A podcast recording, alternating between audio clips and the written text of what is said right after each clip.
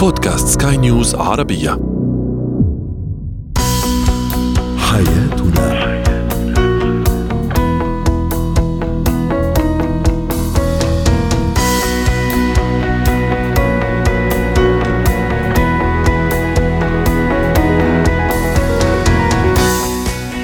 مستمعينا الكرام أهلا بكم معنا إلى حياتنا فضاؤكم اليومي الذي يعنى بشؤون الأسرة وباقي الشؤون الحياتية الأخرى والذي يمكنكم الاستماع اليه عبر منصة سكاي نيوز dot com slash بودكاست وباقي منصات سكاي نيوز العربية الأخرى.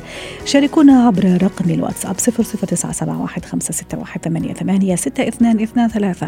معي أنا آمال شاب. اليوم نتحدث عن السبب الذي يجعل البعض يدمر مستقبله المهني والأسري أيضا والاجتماعي بتورط في نزوات تكلفه غاليا. ما هي الطريقة الصحيحة لقص أظافر الرضيع وما هو اتكاد شراء الدبلة؟ هو وهي.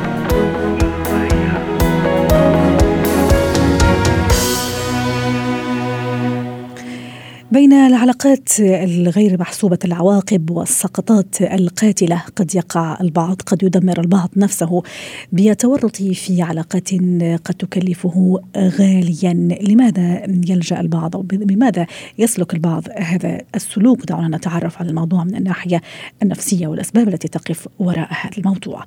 للحديث عن هذه الزاوية وعن هذا الموضوع دعونا نرحب بدكتورة ريما بجاني استشارية علم النفس العلاجي.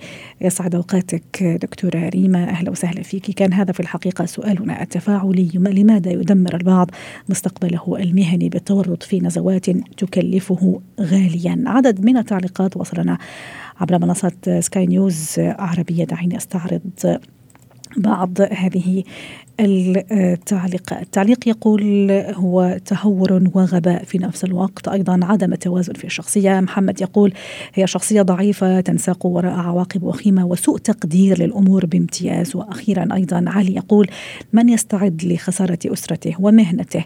هو شخص عديم المسؤولية. دكتورة ريما ما الذي يدفع البعض إلى التهور وإلى خوض علاقات يعني غير محسوبة العواقب وأيضا يعني نوزوات تكلفه غاليا سواء مهنيا أسريا واجتماعيا صحيح أول شيء مرحبا للجميع أهلا وسهلا. اليوم يمكن من التعليقات اللي قالوها المستمعين كثير مهمين لأنه حدا قال تهور غباء عدم توازن بالشخصية. يعني كأنهم لقطوها بس رح نروح أبعد فيها.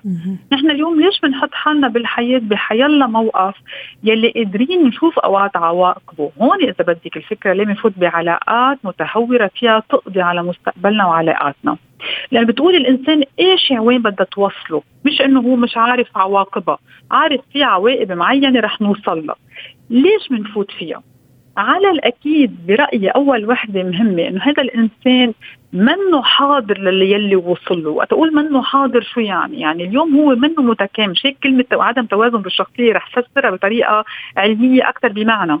اليوم الإنسان يلي بيفوت بعلاقات متهورة يعني عنده نقص نحن بنقولها هيك بطريقة كثير مبسطة إذا بدك في نقص معين بعده مش بعد ما وصل إذا بدك لمرحلة يعرف حاله على القد هو وين مكتفي عنده رضا آه، آه، آه، راضي عن الإنجازات اللي عملها.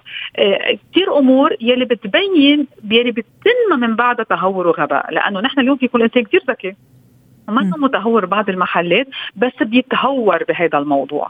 وانت بتعرف اليوم العلاقات شيء كثير مهم ونحن إذا بدك هو أساسي بحياتنا. مشان هيك نحن اليوم إذا ما كنا مكتفين بمعنى ما بنعتبر إن نحن نرضى باللي فيه لو منا مرتاحين.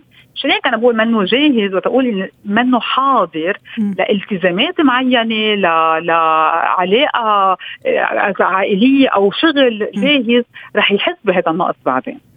دكتورة ريما ممكن أيضا ما أعرف يعني أنا عم أفكر معك بصوت عالي أيضا وشارك المستمعين ممكن يكون نوع من الأوبسيسيون مثلا اللي هو الهوس يعني مو شرط يكون مثلا ما عنده علاقة مكتفي فيها مع أسرة مع عائلة أموره كلها تمام. لكن يعني هو نوع من الهوس وأنا عم أحكي عم شوف الآن خبر طبعا هو متفاعل منذ فترة منذ أشهر اللي هو حاكم ولاية نيويورك أندرو كومو اللي طبعا دخل في مشاكل كبيرة واتهم من قبل موظفات حاليات وسابقات أيضا في أنه تحرش فيهم وقام بسلوك يعني مشين جدا. فيعني شخص من هذا الوزن من هذا الثقل خلي أقول في هذا المنصب يعني شو ممكن يكون أيضا عنده عنده عنده مشكلة يعني؟ تمام. هون ضويتي عم نضوي على نقطة أساسية، نحن اليوم عم نفصل اثنين. لأنه في يكون إنسان كثير مكتفي وعارف حاله شو بده ورب عيلة ومبسوط وقطع بعلاقة بينزله نحن بنسميها.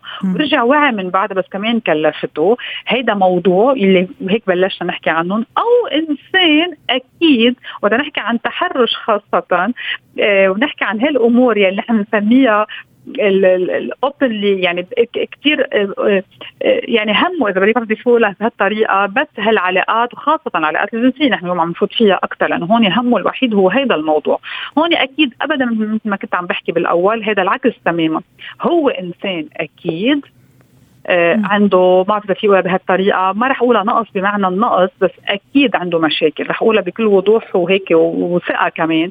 يعني اليوم الإنسان يلي مشاكل على على مستوى شخصيته هو ولا مشاكل يعني في محيطه وفي أسرته؟ ولا مشاكل آه. هو بشخصيته؟ يعني زي عدم توازن زي ما أشار أحد المعلقين وما إلى ذلك. رح أو عدم تقدير الأمور أيضا. رح اوضح قد ما في، نحن اليوم بتربيتنا وبس ننمى بشخصيتنا بنتفاعل مع الأمور اللي حوالينا إن كان تربية أهلنا لنا أو التجارب اللي بنقطع فيها اللي بنسميها الاكسبيرينسز.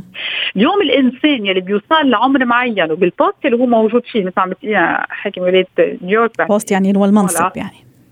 ف voilà وقت نوصل لهون ونضل مش قادرين نقشع ونميز. يعني أكيد في مشكلة نفسية معينة. هون ما فيها جدل ابدا هيدي القصة. لأنه مش قادر يقدر عواقب الأمور اللي عم يقطع فيها. يعني بطلنا قصة النزوه لأنه عندي اليوم مشاكل بمحل معين. اليوم بشخصيتي أنا عندي نقص معين. مشان هيك اليوم اليوم كثير وقبله كثير في تبع البنك الدولي النقد البنك النقد الدولي. كمان مرق فيهم كثير وصل حتى لأمور أبعد من هذا الموضوع. كوني أكيد اليوم هذا إنسان.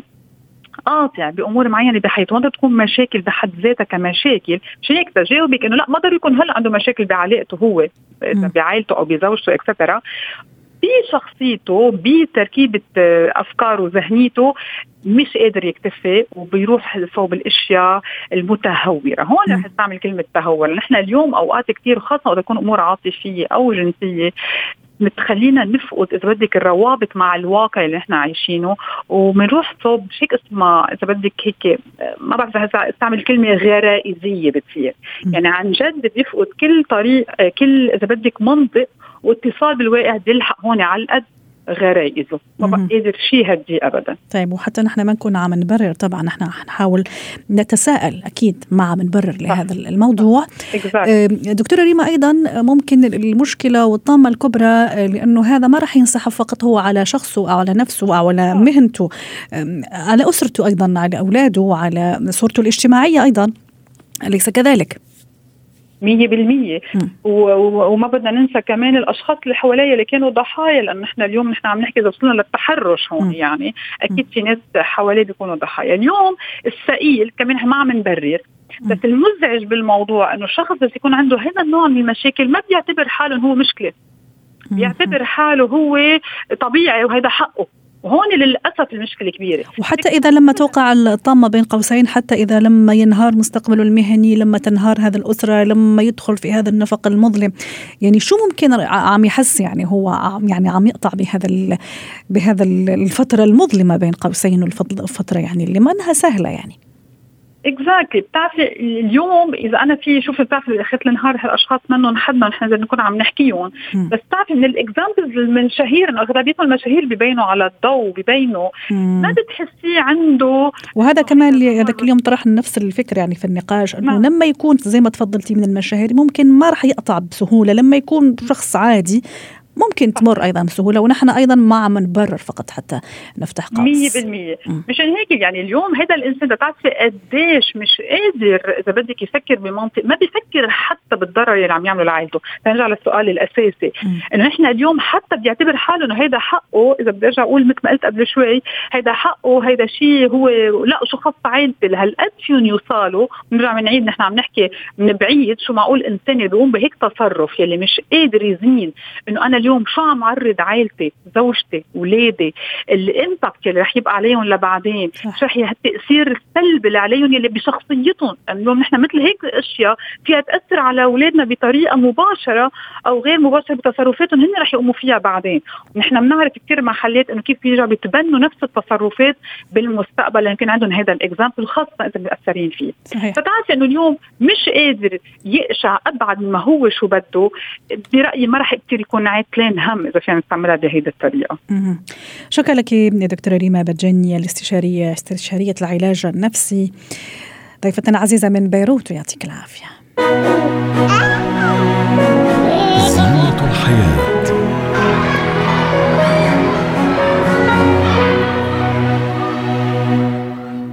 اليوم في زينة الحياة سنتحدث عن روتين تقريبا آه، شبه يومي تقوم به الأم آه، مع ابنها الرضيع تحديدا. هو آه، موضوع قص أظافر الرضيع أو تقليم أظافر الرضيع ممكن قد يبدو من المهلة من الوهلة الأولى عفوا شيء طبيعي لكن أكيد في احتياطات يجب لازم نتخذها وكيف نتصرف أيضا وكم مرة أيضا يجب عليه قص أظافر الطفل وغيرها من الأسئلة اللي راح نحاول نضوي عليها مع الدكتور سامح عبد العظيم اختصاصي طب الأطفال وحديثي الولادة. يسعد أوقاتك يا دكتور سامح. في البداية كم مرة آه، يجب أن تقلم أظافر الرضيع؟ آه، أهلا وسهلا بك أمال وأهلا بالسادة المستمعين. أهلا وسهلا. آه هو زي ما أنت قلتي قد يبدو الموضوع آه اعتيادي وبسيط ولكنه مهم طبعا بالنسبة للطفل كل شيء تعتبر يعتبر شيء مهم.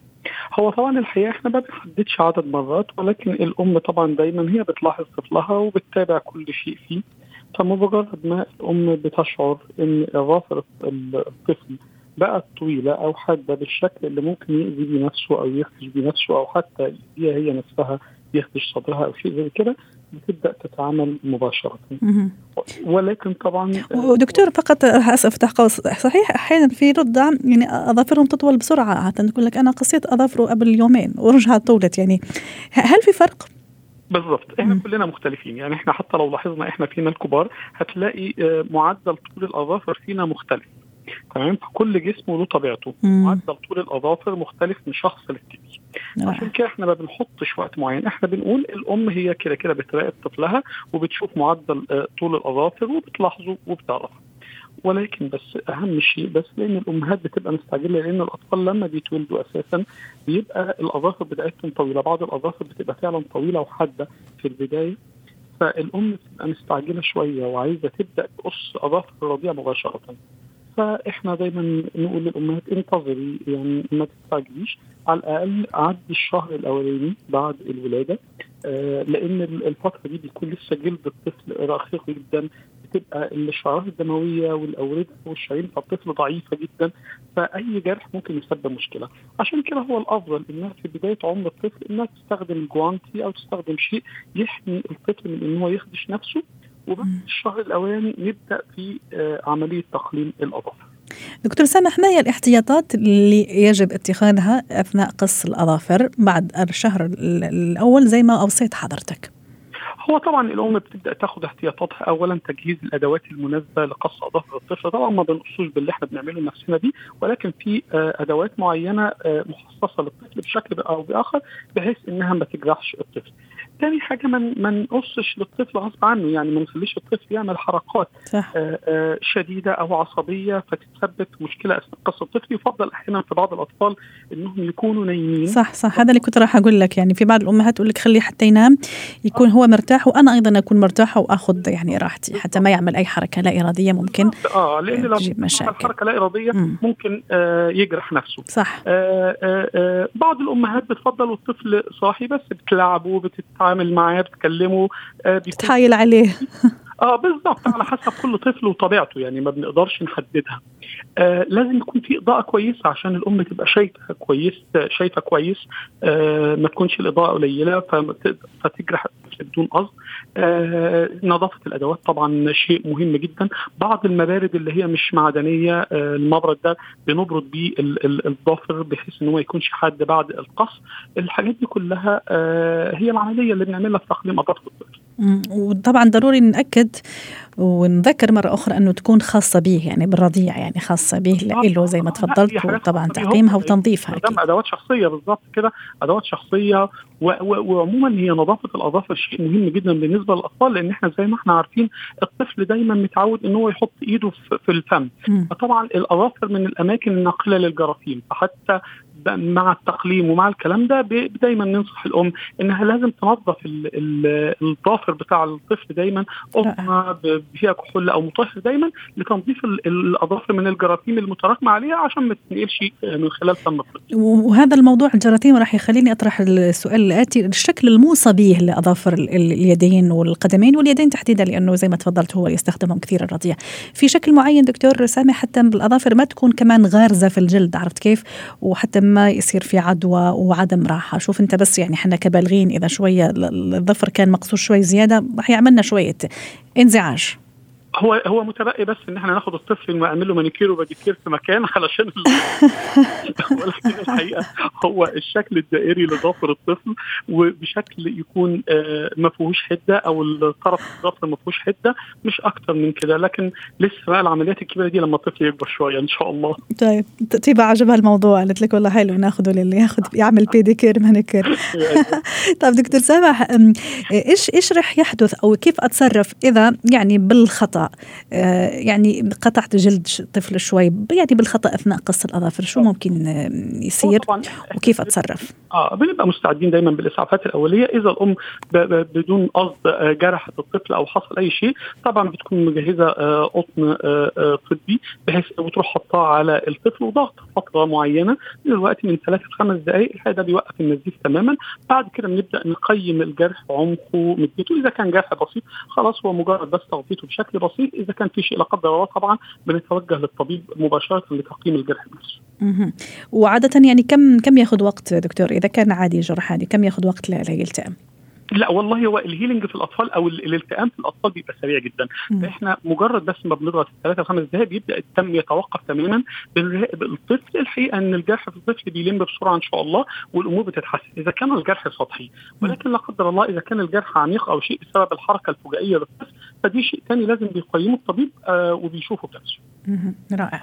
شكرا لك دكتور سامح عبد العظيم اختصاصي طب الأطفال وحديثي الولادة ضيفنا العزيز من أبو ظبي. اتكات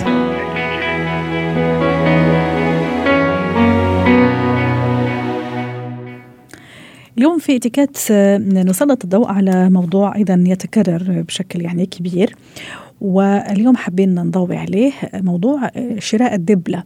وكيف أتجنب أنا ك ك ك كفتاة وشاب أيضا خطيبين يعني رايحين نشتري دبلة كيف نتجنب إحراج الأهل أحيانا عند اختيار الدبلة؟ وما هو الإتيكيت بشكل عام أيضا عندما أقوم بهذا العملية عملية الشراء شراء الدبلة؟ رحبوا معي بدكتورة سلوى عفيفي خبيرة الإتيكيت والبروتوكول الدولي. دكتورة سلوى عفيفي سعد أوقاتك دكتورة سلوى.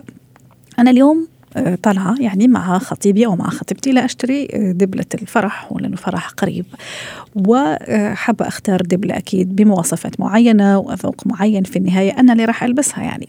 لكن إلا ما في اتيكيت وذوق وأحيانا يعني كانت زمان يعني ما أدري الحين كيف يعني كان مثلا الأهل يطلعوا معاهم سواء أمها أمه الوالد الوالدة أخته مثلا الكبيرة مثلا يعني حتى يكون عندهم رأي في الموضوع. يعطيني كذا شوية خطوات وإتيكيت وذوق وأصول في هذا الموضوع. يسعد أوقاتك استاذه طيبة. وطبعا بنبارك لك معك امال هم مقبلين. إيه، عفوا. طيبة هي اللي ردت عليك. والله عارفة. أنتوا الاثنين حبايبي.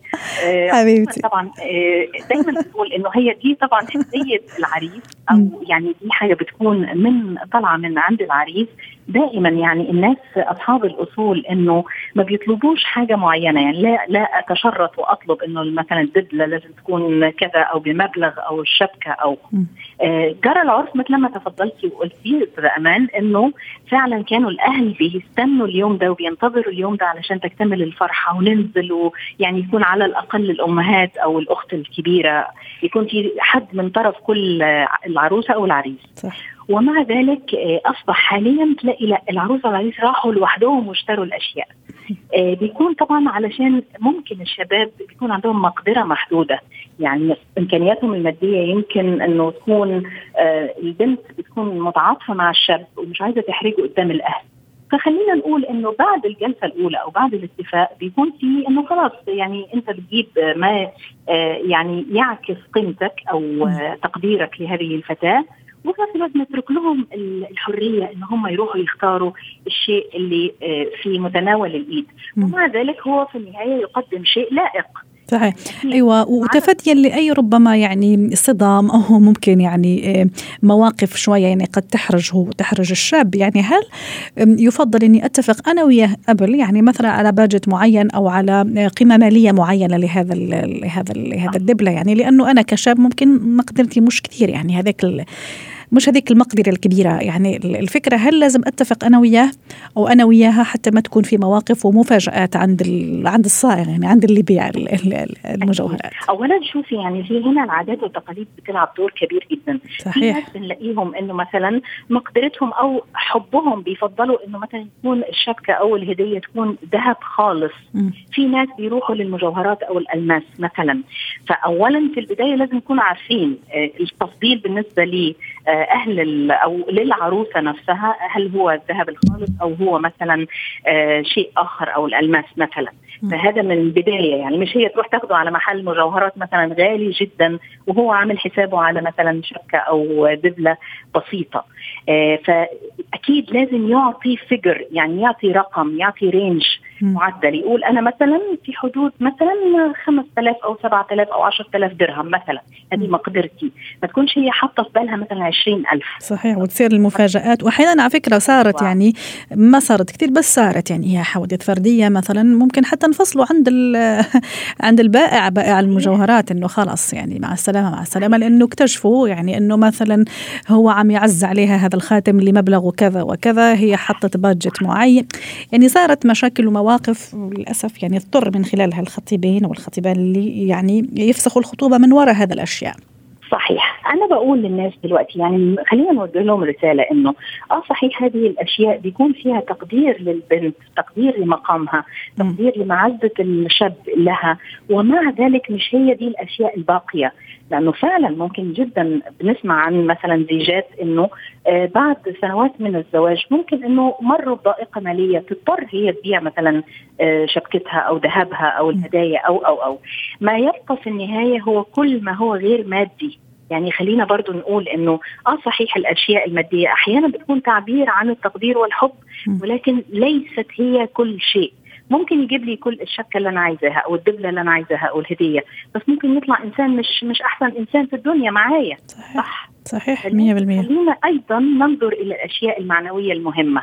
التي ستبقى وتدوم معنا في العلاقة. وحتى أيضا في الآن يعني خلصنا من الموضوع المادي. حتى في ال design يمكن أنا أيضا كفتاه عندي design معين نعم. في في في دماغي. مثلا حبته مثلا سوليتير حبته مدري إيش كشكل مدري إيش. ممكن هو لا عنده رأي آخر. فايضا تفاديا للإحراج. مهم انه نتناقش على الموضوع ولا لا؟ هذا يعتبر الشخص يعني أمر يخصني أنا كبنت أو كفتاه لأنه في النهاية أنا اللي راح ألبسه. ما رأيك؟ شوف شوفي هو لا مانع إنه لو هي سألت على رأيها يقول لها والله مثلا الدبلة العريضة حتخليكي آه مثلا ما تقدريش تلبسي معاها خاتم.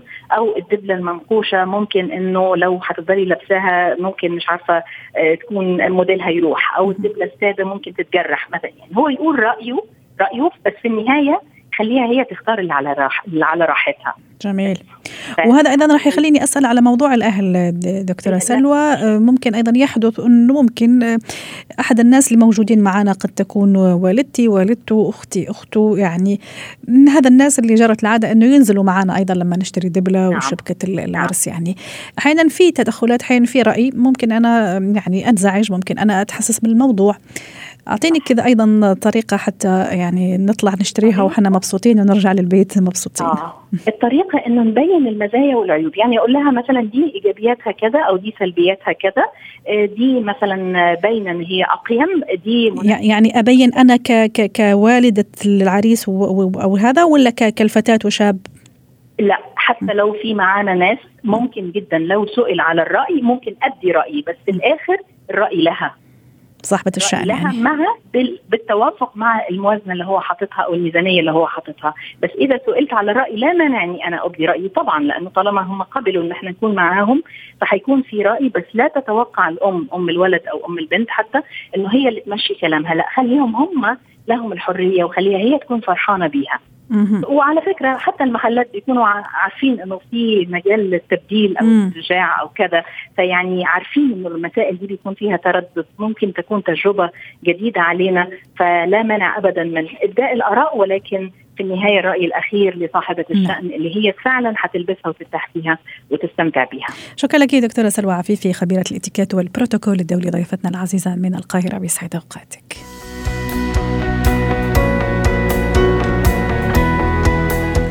ختام حلقة اليوم من حياتنا. شكرا لكم وإلى اللقاء.